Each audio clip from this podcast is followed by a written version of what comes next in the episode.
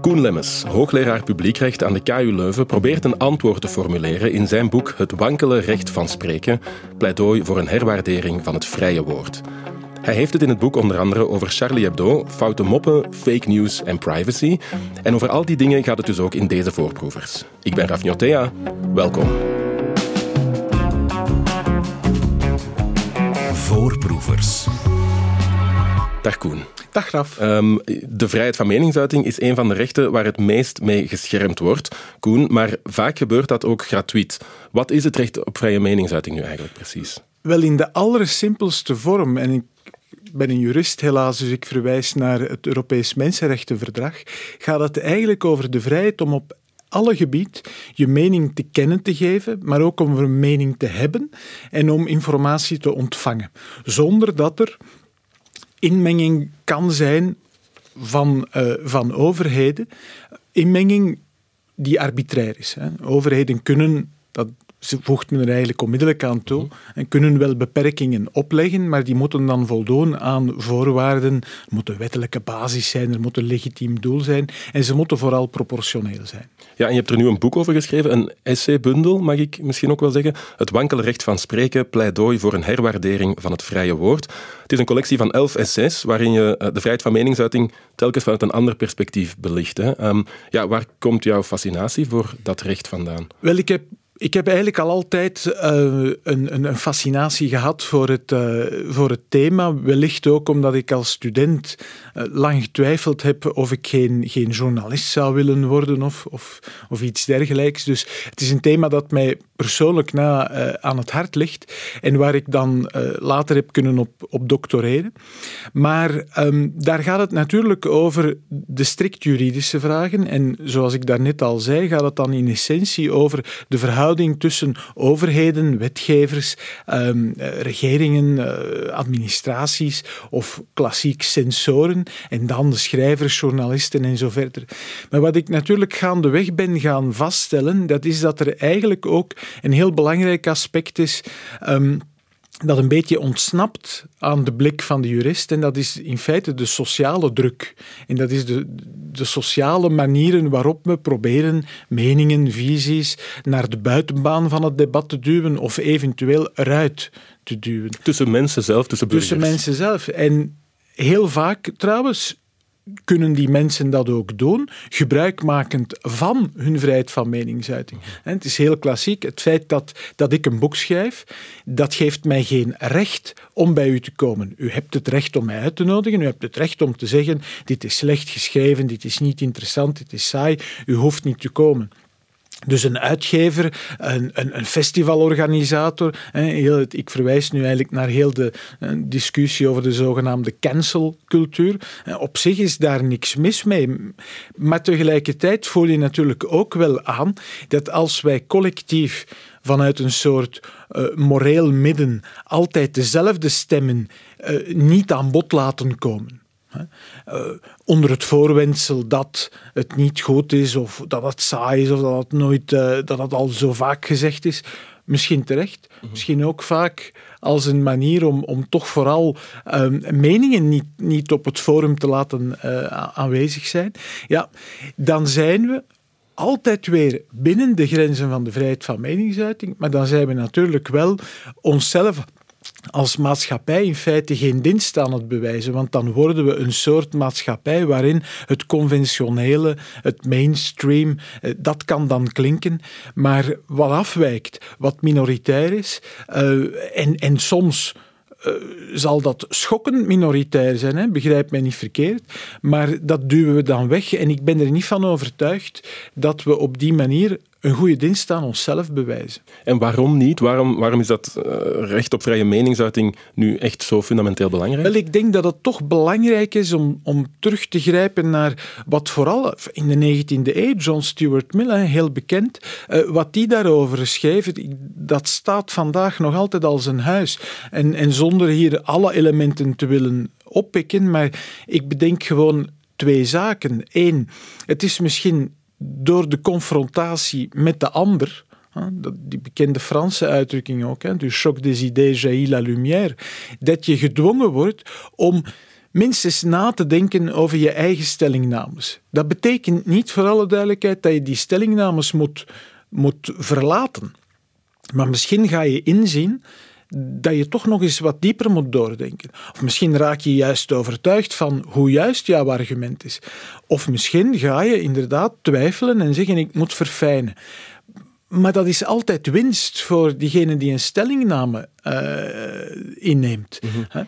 um, omgekeerd moet je ook opletten voor een soort dead dogma. Als wij alle onze opvattingen, of de meeste van onze opvattingen, als wij die eigenlijk aannemen, omdat eigenlijk het uitdagen ervan of de, het afwijken ervan niet getolereerd wordt, juridisch niet, maar misschien ook maatschappelijk niet, dan verliezen we het vuur om die overtuigingen te verdedigen. En als we dan vroeg of laat geconfronteerd worden met mensen die wel die overtuigingen um, in vraag stellen, dan zijn we misschien niet eens de beste advocaten van onze eigen gedachten, omdat we nooit getraind werden um, in in het verdedigen van onze posities. Mm. In dat verband moet ik vaak denken aan, aan Bart de Wever en zonder mij te willen uh, uitspreken voor of tegen de man of, of, of, zijn filosofie, maar op een ogenblik vroeg een journalist, wat maakt nu dat u eigenlijk de beste debater van, u, van uw generatie bent? En de Wever antwoordde, dat komt omdat ik als student, en hij noemde dat, dacht ik, tegen de stroom op moest debatteren. Want wij zaten daar in die universitaire uh, Alma-kantine en er waren tien of twaalf studiegenoten die allemaal hetzelfde dachten. En hij dacht natuurlijk iets anders. hij werd dus voortdurend uitgedaagd door die groep. En dat heeft hem geen windeieren opgeleverd als um, als debater. Dat, dat is een beetje de illustratie. Ja, we hebben eigenlijk het gevoel dat die vrijheid van meningsuiting nu onder druk staat. Hè? Dat, we, dat we daar uh, kritiek op krijgen, dat er, dat er snel kritiek geuit wordt. Die cancel culture, zoals je het noemde. Um, er is een New York Times-journaliste, dat las ik in je boek, Natalie Schuler, die daar een mogelijke verklaring voor heeft, hoe, hoe dat komt. Ja, eh, dus laat ik opnieuw benadrukken, ik ben maar een jurist en dus voor mij is het heel moeilijk om te spreken uh, in termen van tendensen, trends. Dat, dat moet ik aan, aan sociale wetenschappers laten, aan sociologen. Uh, dus ik, ik denk dingen te zien, maar goed, dat zijn anekdotische vaststellingen. Maar goed, um, wat die journalisten hoorden, was iets wat denk ik ook een collega van de Universiteit van Gent, Jan Verplaatsen, in, in, in de tijd uh, uitgelegd heeft. In, die, die zegt daar een beetje wat, wat de journalisten van de, van de Times zei, van de New York Times zei dat er waarschijnlijk een generatiekloof loopt. En dat jonge mensen, mensen die opgegroeid zijn met de social media, en ik behoor tot de generatie die het, het gepiep van de telefoonverbinding nog, nog kent, hè? Uh, dus ik ben daar helemaal niet mee opgegroeid, maar die mensen hebben veel meer ervaring met de keerzijde van de, van, van de vrijheid van meningsuiting. De bagger, uh, het, doxen, uh, de trollcampagnes enzovoort enzovoort. En dus misschien zijn zij veel meer vatbaar voor de gedachte uh, dat je misschien ook uh, grenzen moet hebben. Terwijl ik behoor misschien nog tot de laatste generatie voor wie vrijheid van meningsuiting, ja, dat is, dat, dat is het verlengde van de civil rights movement. Hè. En, en, en zonder heldhaftig te willen zijn. Maar in Vlaanderen was dat, dat, was, dat ging van Urbanus, die de, die de gemeente wat choqueerde.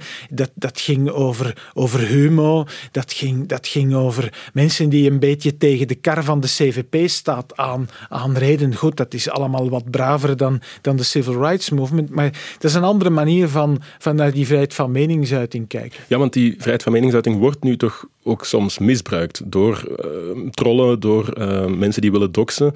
Er zal Noem mij één vrijheid en er wordt misbruik van gemaakt. Noem mij één recht en er wordt niet. Toevallig hebben we als juristen ook de term rechtsmisbruik ontwikkeld. Dus er is misbruik van, absoluut waar. De vraag is alleen, in het afwegingsproces zijn we bereid om dat misbruik te aanvaarden? Tot, tot op welke hoogte willen we dat aanvaarden? Of vinden we dat we maar meteen dan moeten grenzen stellen en dat we dus in feite uh, die vrijheid van meningsuiting gaan inperken. Misschien al een klein beetje preventief, hè, vanuit de gedachte, we moeten dit nu doen om later misbruik te vermijden. En dat is denk ik een, een moeilijke afweging. En ik, ik heb daar alle begrip voor. Hè, want voor alle duidelijkheid, ik ben natuurlijk geen, geen free speech absolutist. Dat, is, dat ben ik helemaal niet. Maar waar ik wel minstens aandacht voor wil hebben, is de, het gemak waarmee we um, meestappen in dat soort uh, grenzen stellen. Daar wil ik voor, voor uh, gevoelig voor zijn en eigenlijk jonge mensen een beetje voor, voor waarschuwen. Ik twijfel niet aan hun allerbeste bedoelingen, maar het kan op een onverwachte manier en op een onverwacht moment als een boemerang terugkomen. Mhm. ik, in, in, een paar jaar geleden waren we met een aantal mensen een beetje bezorgd toen Twitter Trump van het platform gooide. En we zeiden niet dat we enige sympathie hadden voor Trump, maar let op, je bent van zo een paar big tech companies, daar ben je eigenlijk nu gatekeepers van aan het maken. Wil je dat? Ja, nu applaudisseren we omdat er iemand uh, van het platform gegooid wordt waar we geen sympathie voor hebben. Onlangs hoorde ik Rudy Frank zeggen dat Palestijnse journalisten die, die met, met filmpjes kwamen uh, van wat er in Gaza gebeurt, dat die nu ook van het platform zouden gegooid worden. Onder het voorwendsel van u hebt de, de gebruiksvoorwaarden van het platform geschonden. Het zijn wel messen die aan twee kanten snijden. En let toch maar op met wat je met de beste bedoelingen doet. Mm -hmm. je had het over grenzen stellen. Uh, zijn er dan geen grenzen aan um, vrijheid van meningsuiting? Er zijn wettelijke grenzen. Oh jawel, uiteraard. En er zijn, er zijn denk ik, als je zou gaan kijken in, in de wetgeving, dan zijn er merkwaardig veel uh, grenzen. Wij denken uh, heel vaak aan de klassieke zaken, laster en eeroof, uh, privacy, uh, maar denk aan, aan fair trial, dat soort afwegingen. Maar er zijn ook een, een pak veel technischere dingen. Um, dus ja, er zijn grenzen. En een aantal van die grenzen zijn, denk ik, grenzen waar redelijke mensen van mening kunnen over verschillen. Maar er zijn, denk ik, ook een aantal grenzen waarvan dat je zelfs als redelijke mens moet zeggen: ja, dit kunnen we nu toch moeilijk tolereren onder, um, uh, onder het mom van uh, er, vrijheid van meningsuiting. Het allerklassiekste voorbeeld is natuurlijk het aanzetten tot geweld. Um, of of uh, het voorbeeld dat in de Amerikaanse rechtspraak dan gebruikt wordt, dat is het, het roepen van vuur in een, in een, in een verduisterd in een verduisterde bioscoop of een theater, als je daar zou vuur roepen en dan nadien zou zeggen, ja, maar dit is mijn vrijheid van meningsuiting, eh, we mogen toch eens lachen, die vlieger gaat natuurlijk niet op. Mm -hmm. um, nog een grens die, um, die er in de wet is, is om uh, de holocaust te ontkennen bijvoorbeeld. Dat is ook ja. een interessant voorbeeld dat u aanhaalt. Ja. Um, ja, waarom is dat uh, verboden, het ontkennen van de holocaust, maar bijvoorbeeld het ontkennen van andere genocides of, of van bijvoorbeeld de evolutietheorie niet? Wel, voor de andere genocides wil ik toch een opmerking maken. De wetgeving in België is wat dat betreft uh, aangepast. Dus uh, andere door internationale tribunalen vastgestelde genocides, die krijgen een soortgelijke. Het is niet helemaal dezelfde wettelijke bepaling, maar die krijgen een soort gelijke bescherming. En inderdaad, het thema dat, daar, um, dat, u, dat u daar aanhaalt, is heel erg omstreden. Um, ik was denk ik nog student toen de wet is aangenomen. Uh, mijn professoren waren heel kritisch. Um, en men gaf dan altijd het voorbeeld van Noam Chomsky, die een, een, voorwoord geschreven had bij een boek van een holocaustontkenner, om te zeggen dat hij het natuurlijk volslagen abjecte onzin vond, maar dat hij wel vond dat er een recht moest zijn um, om die dingen te publiceren. Nu, het gegeven daar, uh, als je gaat kijken naar, naar de Belgische wetgeving, dan denk ik dat men, uiteraard heeft het te maken met gevoeligheden, maar het, de wetgeving komt tot stand in een, in een tijdskader waarin men vooral bevreesd was dat de sympathisanten, de holocaustontkenners, dat waren ook de hoogdagen in de jaren negentig van, van negationisme, uitgeverijen in het Antwerpse, dat die terug aan de macht zouden komen. Dus daar speelde ook een gegeven van bescherming van de democratische rechtsstaat mee. Wat niet wegneemt dat heel veel juristen uh, vinden dat, dat het niet aan een overheid uh, toekomt um, om die wetgeving uh, aan te nemen. En dat men nu de eerlijkheid gebiedt ook te zeggen, het wetenschappelijk onderzoek wordt door die wet um, op zich niet, niet onmogelijk gemaakt. Mm -hmm. Maar goed, het, het, kan als een zwaard van Damocles worden gebruikt. Nu, ik vind het interessant dat u het aanhaalt en dat u het afzet tegen, uh, ik denk dat u flat earthers... Uh, ja, of de evolutietheorie. Of de evolutietheorie uh, nam. En dat, dat is natuurlijk boeiend hè, om te zien, want dat geeft ook ergens aan dat wanneer we als samenleving um, heel erg overtuigd zijn van de, de, de, de sterkte van een, van een theorie en um, van het feit dat die theorie ook breed in de samenleving aanvaard en gedragen wordt, dan vinden we diegenen die afwijken van die theorie, dan hebben we daar in het beste geval um, wat medelijden mee. Mm -hmm. Dan vinden we dat wat de wappies of de gekkies, maar dan vinden we zeker niet dat we die mensen voor de rechter moeten brengen. Als iemand zou zeggen de aarde is plat, ja, dat is al erg genoeg. Hè. Laat staan dat we dan zo iemand voor een rechter zouden willen brengen. Je ziet dat wanneer iemand de holocaust ontkent, en daar zit natuurlijk dat gedeelte bij van impliciet, denk ik, geven we daarmee dus toe dat we twijfelen aan de breedgedragenheid van die, van die één, van het geloof, het, het, feit dat we aanvaarden dat we als, een, als een, een, historische waarheid dat de holocaust heeft plaatsgevonden, dat we dus daar toch aan, aan, aan twijfelen. En twee, dat we vooral denken dat er een grote schadelijkheid uitgaat van diegenen die dat, dat feit in vraag stellen mm. en ontkennen. En is het dan aan de wetgever inderdaad om daar... Wel, dat is, een, dat is natuurlijk een, een, een moeilijke vraag. Um, ik... ik vind het een heel moeilijk debat en ik dacht dat um, Etienne Vermeers heeft daar ooit eens een, een oplossing gesuggereerd, een heel pragmatische oplossing. Hè, waarbij hij zei, ja, misschien moeten we wetgeving maken die blijft gelden tot op het ogenblik dat de generatie van de holocaust-overlevers, uh, dat, die, dat die er niet meer is. Hè. En zodanig dat hun uh, verschrikkelijk leed uh, wordt tot dan toe eigenlijk beschermd, ontzien. En van dan af kunnen we het weer. Dat was de, de middenpositie die, die Etienne Vermeers um, uh, naar voren schoof.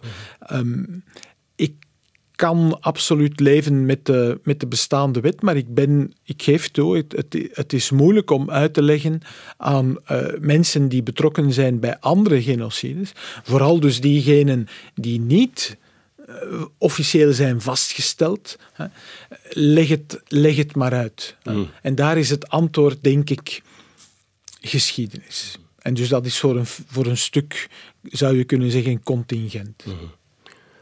U begint uw boek met de aanslag op Charlie Hebdo in 2015, die ja, een schokgolf door Europa joeg. En uh, in het breaking news klonk dat zo. Er is een aanslag gebeurd in het hoofdkantoor van Charlie Hebdo in het centrum van Parijs. Frank Renaud, goedemiddag. Goedemiddag. Frank, wat is er gebeurd? We weten op dit moment nog niet zo heel veel. Het is allemaal nog erg vers. Maar de getuigen die aanwezig waren op de redactie van Charlie Hebdo zeggen dat er twee mannen zijn binnengedrongen in het gebouw van het satirische weekblad. Ze hadden bivakmutsen op, zouden kogelvrije vesten aangehad hebben en zouden met automatische wapens daar het vuur hebben geopend. Volgens de eerste berichten die er nu zijn, zijn er in ieder geval enkele gewonden gevallen, zwaar gewonden ook. Er wordt gesproken over zes gewonden. En er zijn ook berichten dat er doden zijn gevallen, maar dat kan ik op dit moment nog niet bevestigen. Ja, Koen Lemmens, waarom koos u ervoor om daar het boek exact mee te beginnen? Wel, ik, ik had gedoctoreerd rond het feit van meningsuiting, maar dat was een periode, het jaar, laten we zeggen, de periode 2000-2005, zoiets.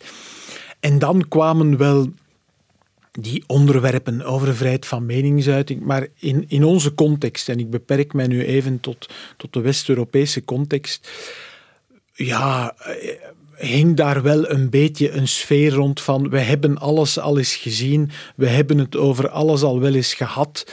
Um, en heel tastbaar, concreet was dat allemaal niet meer.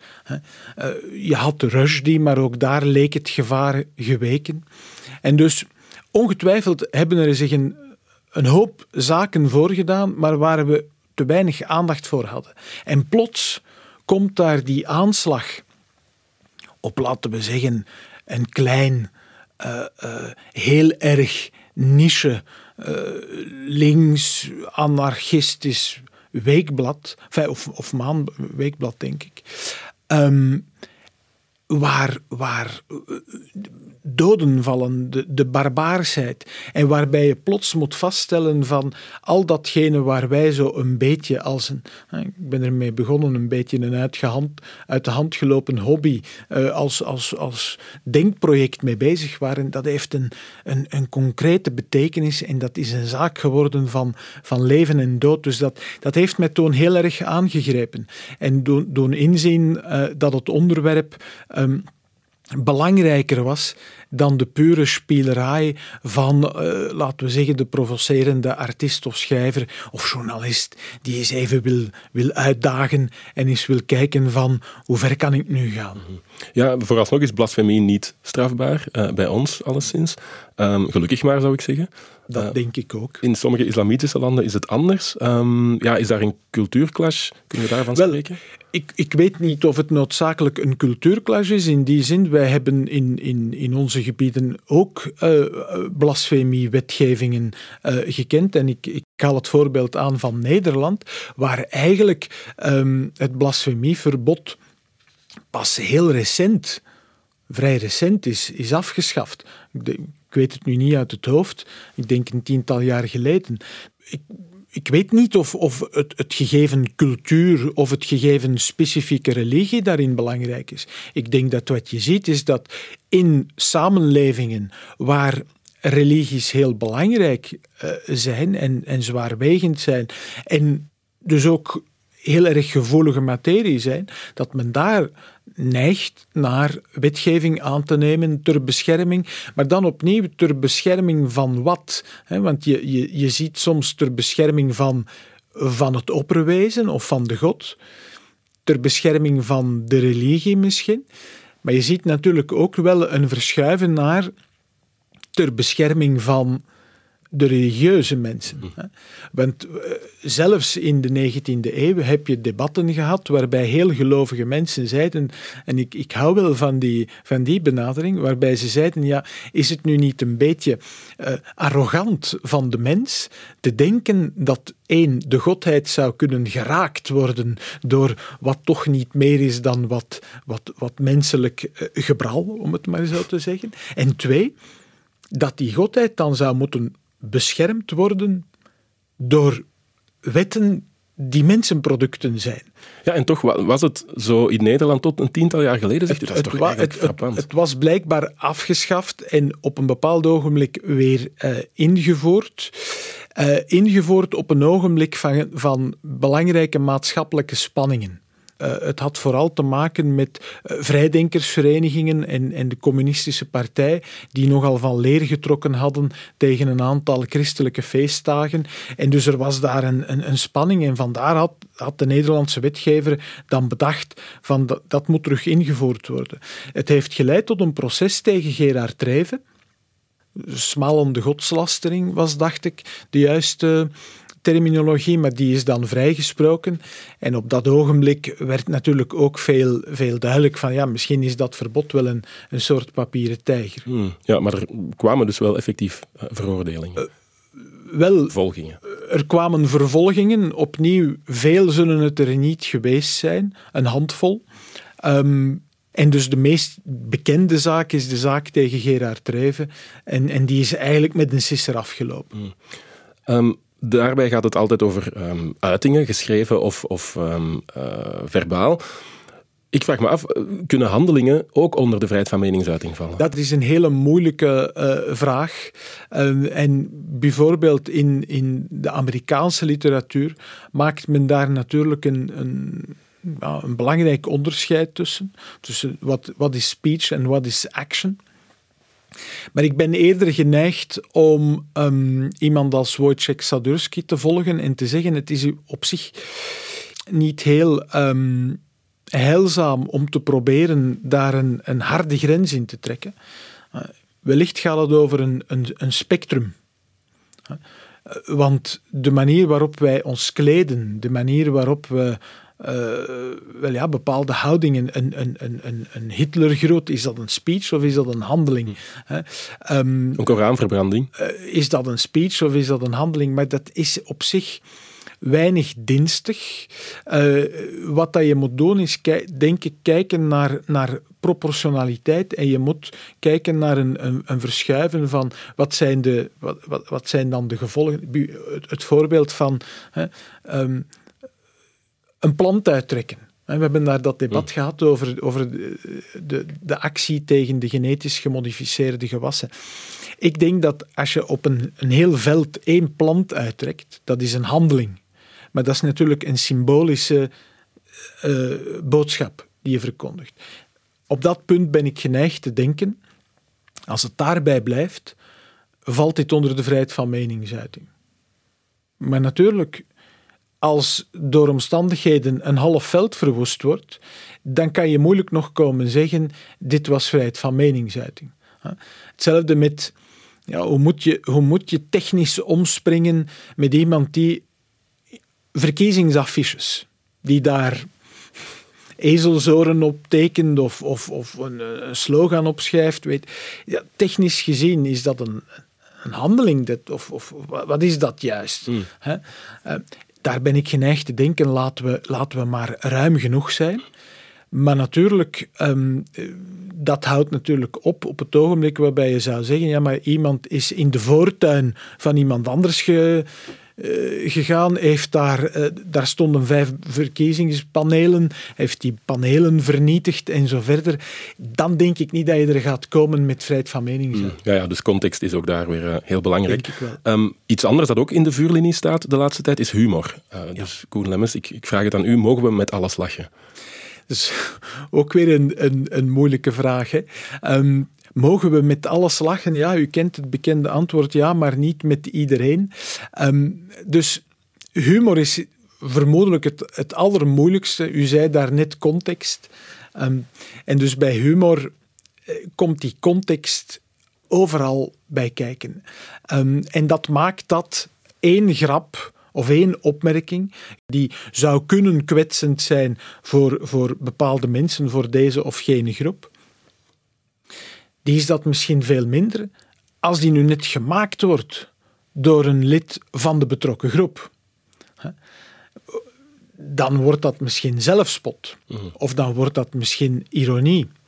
Ehm, en dus zo zie je ook dat, dat misschien de vertrouwelijkheid, de vriendschap tussen mensen kan maken dat wat een derde zou horen of zien, zou zeggen, dit is compleet ongepast. Maar ja, die, die, die mensen onderling, uh, dat is hun manier van, van, van humor. Uh, dat, als zij elkaars grenzen respecteren. Dus daar zou ik, bij humor zou ik het heel belangrijk vinden uh, om rekening te houden met wie zijn de aanwezigen. Mm En dan vooral de morele afweging maken. Vind ik het ik kan iets grappig vinden, ik kan iets, de taalgrap grappig vinden, maar misschien in een context van dit gehoor ga ik er toch niet mee lachen. Terwijl dat je zou kunnen zeggen, als we met, met z'n drieën zijn en we, we weten dat dit onze, onze zwarte humor is, onze cynische humor is, uh, laat het dan maar gebeuren. Ja, en als het tussen ons blijft ook, hè, want als het dan plots toch in de openbaarheid komt, ja, dan is ja, het ook weer een moeilijker vraagstuk. Ja, nu, daar vind ik de vraag, en nog los van de manier waarop je daar juridisch mee omspringt, maar daar vind ik wel in eigenlijk in alle gevallen, en om het even eh, over wie het gaat, vind ik het bijna zelfs een, een, zaak van, van privacy. Als het duidelijk is dat het niet de bedoeling was dat anderen dan de aanwezigen zouden horen wat er gezegd is, dan uh, vind ik het eigenlijk een jammerlijke zaak. En dan, is, dan zijn er alleen maar verliezers als anderen het vanwege technische problemen of lekken of, of verspreidingen toch kunnen horen. Mhm. ja?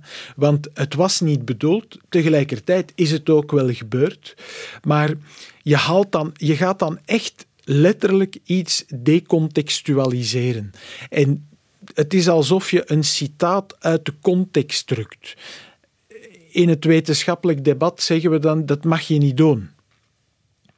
Wel, hier is het eigenlijk hetzelfde. Je haalt iets uit een context, je gooit dat bij mensen die, die, die totaal niet op de hoogte zijn van uh, wie waren de sprekers, wie waren de aanwezigen, wat, wat is hun visie, um, en zegt dan kijk eens wat ze zeiden.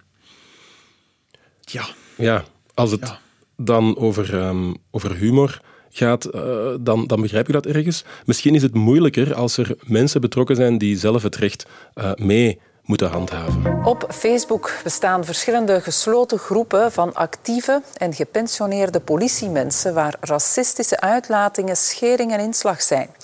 Alleen politieagenten kunnen lid worden van de groepen. Onze redactie onderzocht er twee. De commentaren liegen er niet om. Het gaat onder andere over vijf negers. Bij een artikel over hoofddoeken gebruikt iemand het woord kopvot. Of nog over mensen met een migratieachtergrond. Deporteren, hekken zetten, een put graven, water ingieten en ze er allemaal insteken. Ja, Koen Lemmens, besloten WhatsApp-groepen, of het dan ja, over um, individuen gaat of politieagenten, wat moeten we daar juridisch gezien mee? Dat is een, opnieuw wordt dat heel vaak een, een, een feitenkwestie. Hè? Want heel veel van onze misdrijven die, die te maken hebben met vrijheid van meningsuiting, die zeggen ja, als het in, in de omstandigheden van artikel, ik, men zegt dan 444 van het strafwetboek, dus in openbaarheid. En dus het feit dat je zegt een groep was besloten, dat is geen voldoende voorwaarde om te zeggen um, het was, het was een, een privékringetje, niemand had er zaken mee. Dus een, een groep waar, waar tientallen of honderden mensen lid van zijn, dat, dat, is, een, dat is de openbaarheid. Ja? Dus dat is, dat is al één belangrijk punt. Zelf vind ik wel, pleit ik er wel voor, van een soort redelijkheid in te brengen. Een WhatsApp-groepje van vijf, zes mensen, daar zou ik van denken, laten we toch voorzichtig zijn om meteen daarvan te zeggen, dit was, dit was openbaarheid. Dus dat is één element. Het tweede element, en, en daar vind ik het verschil met humor toch wel, wel, wel heel groot, dat is dat je natuurlijk in het fragment dat we gehoord hebben, ehm, bij humor weet je eigenlijk niet, dat is ook een van de moeilijkheden, je weet eigenlijk niet of dat diegene die die grap maakt, of dat die, welke positie hij nu of zij nu ten gronde aanneemt. Je weet het niet soms zegt men ja, al lachend zegt de zot de waarheid. Ja, maar soms zegt de zot ook niet wat hij denkt. Mhm. Speelt hij met clichés en zo verder. Dus ik vind humor vind ik zo verschrikkelijk moeilijk. Hier wordt het iets anders. Hier wordt het iets, een groep waarbij mensen ehm, eh, een ding kunnen zeggen. Uh, en opnieuw, ik wil heel veel begrip hebben voor uh, de occasionele uitschuivers op elk domein. Hè. Maar kan niet gaan beweren als men in een, in een groep zit waar tientallen of honderden mensen zitten en waar het niet over één, twee, drie of eens vijf opmerkingen gaat op een geheel van, van, van honderden of duizenden, maar als dat de, de teneur van de groep is en de strekking van de communicatie is, dan zie ik op zich geen bezwaar om, om, om de wetgeving toe te passen. De antidiscriminatiewetgeving en de antiracismewetgeving toe te passen. Mhm. Ehm, dat is voor mij een heel andere situatie dan in een hele kleine groep ja, wat, wat desnoods wat foute humor maken. Mhm. Ja, um, een heel korte vraag misschien nog. Uh, vrijheid van meningsuiting is niet enkel een zaak van het recht alleen, uh, schrijft u. Vind ik wel een hele mooie. Um, wat bedoelt u daar precies mee? Wel, precies het feit van, dat, ik, dat ik nu een aantal keren zei van misschien moeten we gewoon eens nadenken hè, over het feit, en, en iedereen moet dus nadenken. Diegene die dingen mag zeggen, die grappen mag maken, die, die uh, bepaalde uitspraken mag doen, die moet misschien eens nadenken, is het gepast, hoewel ik het mag, om dat hier vandaag in deze context voor dit publiek te doen. Mhm. Diegene die uh, uitgeeft, lezingen organiseert, uh, die, die dus platformen aanbiedt, moet misschien ook eens nadenken en zeggen: Oké, ik mag ze eraf gooien, maar geaggregeerd, wat doet dat met de bandbreedte van het debat? Uh, diegene die protesteert, dat is vrijheid van meningsuiting. Maar die moet misschien eens nadenken: uh, ga ik niet in mijn reactie eh, zo fel zijn dat er eigenlijk een, een chilling effect en een ontradend effect komt en dat de spreker niet meer durft spreken. Dus iedereen in elk debat komt er niet door alleen te wijzen naar ik mag dat of dit mag niet. De vrijheid van meningsuiting heeft meer nodig.